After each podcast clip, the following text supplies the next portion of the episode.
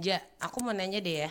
Kan kemarin aku habis ketemu teman aku nih, dia guru, dia cerita. Ada beberapa teman yang guru kena lapor lah, lapor pidana karena mukul anak muridnya yang padahal memang melakukan kesalahan. Sekarang kan banyak banget ya kasus yang kayak begitu. Jadi ketika gurunya ngerasa tidak salah dengan mukul, tapi orang tuanya ngerasa nggak terima dan ngerasa itu tindakan pidana akhirnya dilaporin. Kenapa bisa banyak banget ya kasus yang kayak begitu gitu loh ketika orang akhirnya dilaporin padahal ngerasa ngelakuin hal yang biasa aja.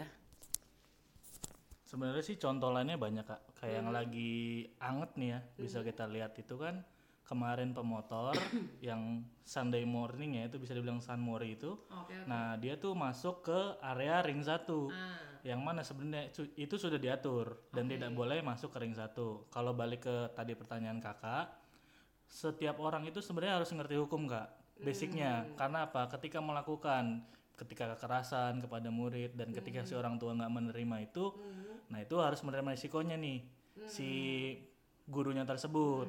Karena itu kan diatur oleh undang-undang tidak boleh melakukan kekerasan. Jadi kekerasan itu baik verbal maupun fisik dapat dikategorikan eh, sebagai perbuatan melawan hukum dikarenakan merugikan salah satu pihak. Yang mana sebenarnya ini ketika orang semua mengerti tentang hukum, nah si seseorang ini bisa menjadi untuk pengacara dirinya sendiri.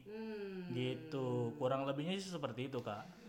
Oh jadi yang dimaksud dengan jadi pengacara untuk dirinya sendiri itu adalah lebih ke pencegahan melakukan tindakan hukum karena dia mengerti hukum. Kurang lebih gitu kak.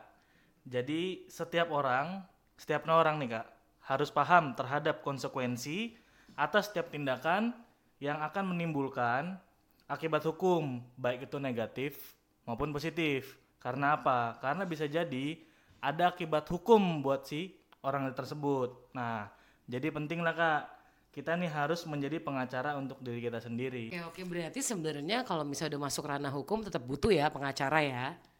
Pasti butuh lah kalau pengacara sih kak. Cepet ya ngejawabnya ya. Pasti.